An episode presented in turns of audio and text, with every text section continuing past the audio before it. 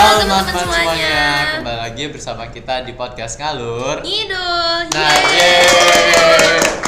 Nah, di sini aku Marco dan partner saya. Samantha. Nah, di sini kita akan membawakan podcast dan tidur dengan topik hari ini yaitu yang sangat fenomenal nih. Wah, bener banget sih Marco. Bumbayah banget. Waduh. Waduh, apa tuh Iya. Sam? Kita mau bawain topik tentang relasi. Nah, tapi sebelumnya kita bakal kenalan dulu karena teman-teman kan cuma dengar kayak Marco dan Sam. Nah, siapa sih itu? Nah, di sini saya Marco Citra dari angkatan DKV 2022 dan teman saya. Samantha Chandra dari DKV angkatan 22. Nah, di sini kita akan bahas mengenai sebuah hubungan Samantha. Iya, relasi. Tapi Iya. relasi itu apa sih? Relasi apa nih? Relasi, kamu mau yang relasi gimana dulu? Yang relasi itu kan sebenarnya kan juga banyak jenisnya, ada yang sehat, ada yang relasi yang Nggak sehat. seperti toxic. Toxic. Nah, Nah. Jadi, menurut CNN Indonesia, toxic relationship adalah hubungan beracun yang tidak sehat dan tidak bahagia. nah, hubungan itu juga tidak harus kalau misalnya kamu punya pacar, tapi juga bisa terjadi di kalangan teman dan juga keluarga. Bener banget. Jadi, Soalnya kita berdua juga belum punya pacar. Hashtag mencari pacar. hashtag mencari pacar. Baik, kalau gitu bisa kita langsung lanjut aja deh. Iya. Jadi sebelum kita masuk, Nah, kita itu sudah punya data yang dari teman-teman kita sendiri nih. wah, lebih tepatnya ini dari teman-teman kita an- apa namanya anak-anak DKV angkatan 22. Bener nggak sih Marco? Bener. Ya, jadi tapi sebelum kita bacain cerita-cerita menarik dari teman-teman kita, gak afdol kalau kita nggak cerita duluan, gak sih? Aduh, iya iya boleh nih. Kalau gitu Samantha mau langsung cerita duluan. Waduh, cerita nggak ya enaknya? Waduh, Cerita. sepertinya pengalamannya banyak sih. Aduh, banyak banget sih. Aduh, aduh. Enggak, enggak kok, enggak banyak. Tapi ada. Wah, oke. Gimana Samantha? Jadi kan saya punya mantan ini, waduh. Waduh, mantan. Mantan. Udah mantan ya? Sudah sih puji Sudah, Tuhan. Bagus lah. Iya, jadi mantanku ini toxic banget, guys. Wah, Oh kenapa bisa dikategorikan toxic dulu? Wah, soalnya gini nih. Apakah menurutmu kalau misalnya nggak boleh beribadah itu termasuk toxic? Waduh. Waduh. Sepertinya sangat melanggar ya. Iya. Waduh, sulit ini. Bisa-bisa Iya. dibawa ke aliran sesat. Wah bener banget. Jadi dulu aku sama mantanku itu em, sebenarnya nggak sampai yang kayak di kamu jangan ke gereja nggak gitu. Tapi dia tuh kayak bilang gini, kamu jadi lebih mentingin gereja daripada aku. Wah. Waduh, ya pasti dong. Ya kamu pasti siapa? dong. Kamu, Bener kamu siapa mau di dibandingin sama gereja? Aduh. Hashtag Samantha anak Tuhan. Wah. Ya gitu sih. Itu sih intinya gitu. Iya. Terus yang lebih lucu dan bumbayahnya lagi, apa tuh? aku diputusin waktu lagi misa. Enggak sih, enggak diputusin, aku yang mutusin. Wah, congrats, congrats, congrats. ya jadi gitu sih cerita toxic relationshipku Hmm. kalau Marco sendiri wah ini Waduh. kelihatan dari muka mukanya nih kayaknya Untungnya Ya, mukanya, sekali. untungnya muka muka kita tidak terpampang ya, wah Sam. iya untungnya ya kalau kalian lihat juga ini duh kelihatan banget guys waduh Gini nih, kalian tahu gak sih? Cinta itu buta teman-teman. Makanya saat kita langsung jatuh cinta itu kita itu gak ngerasa kalau orang itu toxic. Nah, nah karena itu kita itu perlu pandangan dari orang lain. benar banget Seperti Samantha dulu disadarin temennya dulu baru kayak oh iya. Nah aku juga nih teman-teman. Nah aku ini pernah ada PDKT-an lah. Wow.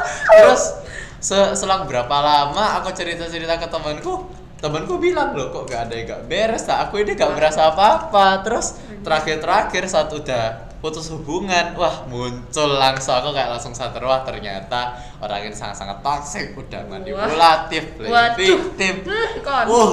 waduh Nangis banget. sih. oh my god Langsung kena mental. aduh tapi waktu putus nih kalau aku tanya-tanya Marco galau nggak sih waktu putus Enggak. Wah, sama sih aku juga enggak udah udah hilang rasa teman-teman Iya. karena sadar toksiknya itu. bener sekali udah ilfil ya Iya. iya jadi oke kita udah cerita nih kayaknya asik nih kalau kita cerita Iya. punya teman-teman kita.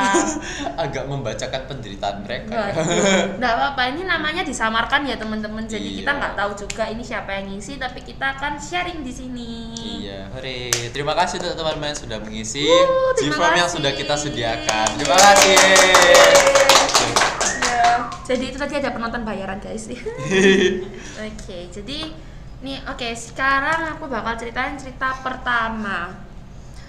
Aku pernah suka sama sahabatku sendiri dengan anggapan kalau aku jadi sahabatnya dia, one day mungkin aku bisa jadi sama dia. Waduh, sudah mau harapan duluan iya, ya. sudah berharap gitu ya. Aduh. Aduh.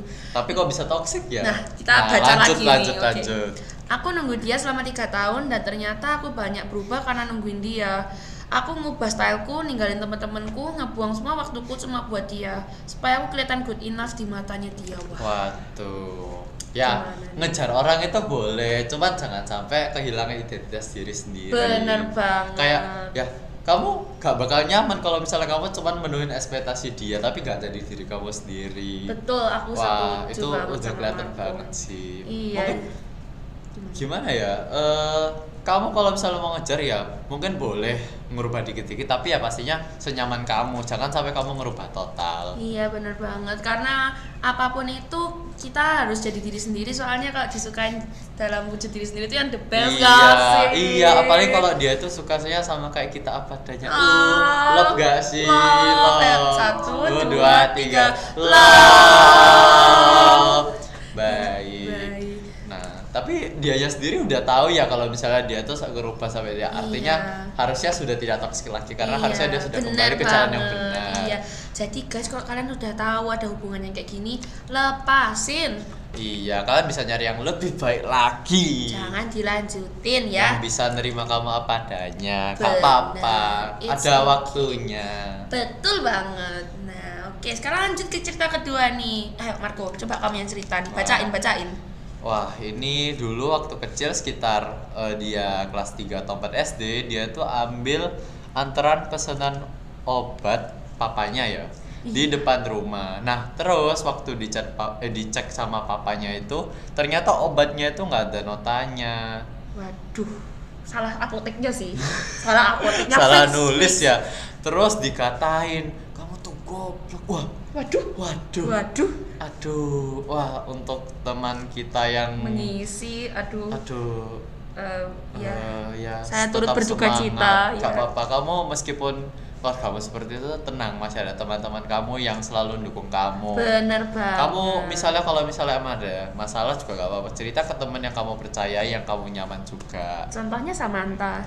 Uh, Uh, uh. apa iya? Bentar ini siapa dulu masalahnya? Nggak tahu. Pokoknya kamu gak apa-apa nyari nyari aja eh, tempat yang menurut kamu nyaman lah untuk kamu lah, gak apa-apa Iya. untuk cerita. Iya bener banget. Terus ini ada dia punya cerita berapa lagi nih? Ada lagi dari orang yang sama. Pernah dibilang juga jalanku kayak cewek. Terus disuruh benerin jalan kayak cowok, diancam mau dimasukin ke tentara biar kayak laki katanya papa.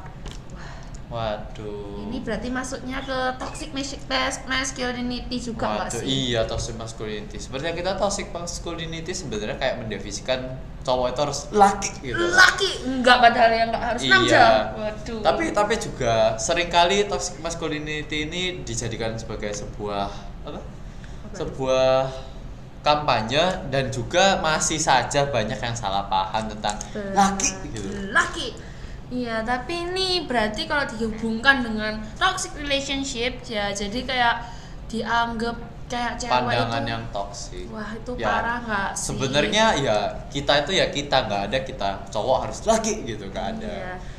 Ya maksudnya kan setiap orang itu personalitinya beda-beda ya iya, nggak sih? yang penting ya senyaman kita juga. Kita pasti ada teman-teman yang dukung kita, gak harus kita berubah juga. Jadi ya kembali lagi kayak yang pertama jangan ngubah diri sendiri untuk memenuhi Iya, ekspektasi tetap jadi orang diri lain. sendiri. Bener banget. Tapi juga harus jadi yang lebih baik terus menerus. Ya semangat ya untuk teman kita. Terima kasih juga sudah mengisi. Ini berani banget loh, Iya, Sep. gila sih Oh my Marco. God. Kita harus kasih applause kasih. Applause. Ayo, applause, teman-teman. Oke, tapi kita sudah masih applause. Ternyata ceritanya masih ada satu lagi nih. Waduh. Waduh. Ya, gimana kalau kamu yang bacain deh Marco? Oke. Nah, jadi waktu dia kelas 7 SMP pernah dipanggil sama BK. BK itu bimbingan konseling ya, teman-teman. Ditanyai, "Kamu kalau istirahat sama cewek terus ya?" Nah, oh, jadi di circle-nya tuh cewek semua. banyak ceweknya oh. mungkin ya jadi ini responden kita ini kayaknya laki-laki ya Oh iya, terus temen cowoknya ditambah ya jangan sama cewek-cewek terus. Ya, Waduh. sebenarnya aku juga dulu itu temanku banyak ceweknya sih. Cuman ya Waduh. untungnya lingkunganku ya fine-fine aja. Iya, bener Jadinya ya banget. sebenarnya ya Kak, kamu itu gak salah, meskipun kamu mau temen sama Iya. siapa aja gitu loh. Kan kamu juga cocok sama mereka, mereka juga cocok sama kamu. benar gak mesti kok masa cewek harus teman sama cewek cowok harus teman sama cowok enggak ya Enggak, teman-teman. aku juga dulu juga banyak temen cowoknya tapi katanya gara-gara aku brutal sih Oh my god. oh my god Wah, brutal banget. Terus Iya. kalau aku banyak temen ceweknya karena apa itu? Eh, nggak tahu tuh Wah, emang Aduh, emang aku aku ini uh, terlalu slay wah satu dua tiga Slay. Ya, Ya. terus jadi untuk teman kita sekali lagi kita bilang kamu Gak hebat sudah mau cerita. Terima kasih sudah mau cerita. Semoga kamu nanti dapat teman yang yang tambah baik, lingkunganmu semakin lebih positif. Iya, jadi tidak tidak terlalu tergelut oleh toxic relationship lagi Jangan baik tertekan di- ya. Ah, ah, Semangat. baik di lingkungan keluarga atau pertemanan. Semangat. Semangat kami ada untukmu. Oke. Nah, masuk ke cerita ketiga dan cerita terakhir yang Aduh, udah terakhir aja nih Sam. Aduh, Aduh, sedih. Aduh, sedih. Tapi nggak apa-apa. Ini cerita ketiga nggak kalah menarik nih dari cerita-cerita Iya. sebelumnya. Kalau gitu untuk Samantha mau ceri- mau dibacain nggak? Kayaknya Wah, asik nih. mau ceritanya. banget nih, aku bacain Eh, ya. asik? Hah? Oh enggak, enggak asik dong. Enggak, enggak, Kita enggak, prihatin ya, ikut Iya. prihatin. Apalagi ini Jadi- cerita toksik ya. Bener Aduh. Aduh, iya. Jadi, ceritanya mantanku itu tipe orang yang suka alasan. Dia tuh orang yang banyak alasan dari yang dianya salah, dia tuh gak mau disalahkan. Hmm, jadi gak mau Ini salah. kayak wah, Kayak kayak siapa ya? kayak siapa ya? Aduh, jangan sebut merek, Gak jangan sebut merek. merek. Waduh. Iya, jadi kayak dia mau gak mau disalahkan. Jadi akunya lama-lama capek, apalagi kalau dia suka ngechat mantan terus suka alasan gak mau disalahin dengan alasannya dia cuma teman, cuma basa-basi. Wah, ini gimana nih menurut Marco? Waduh.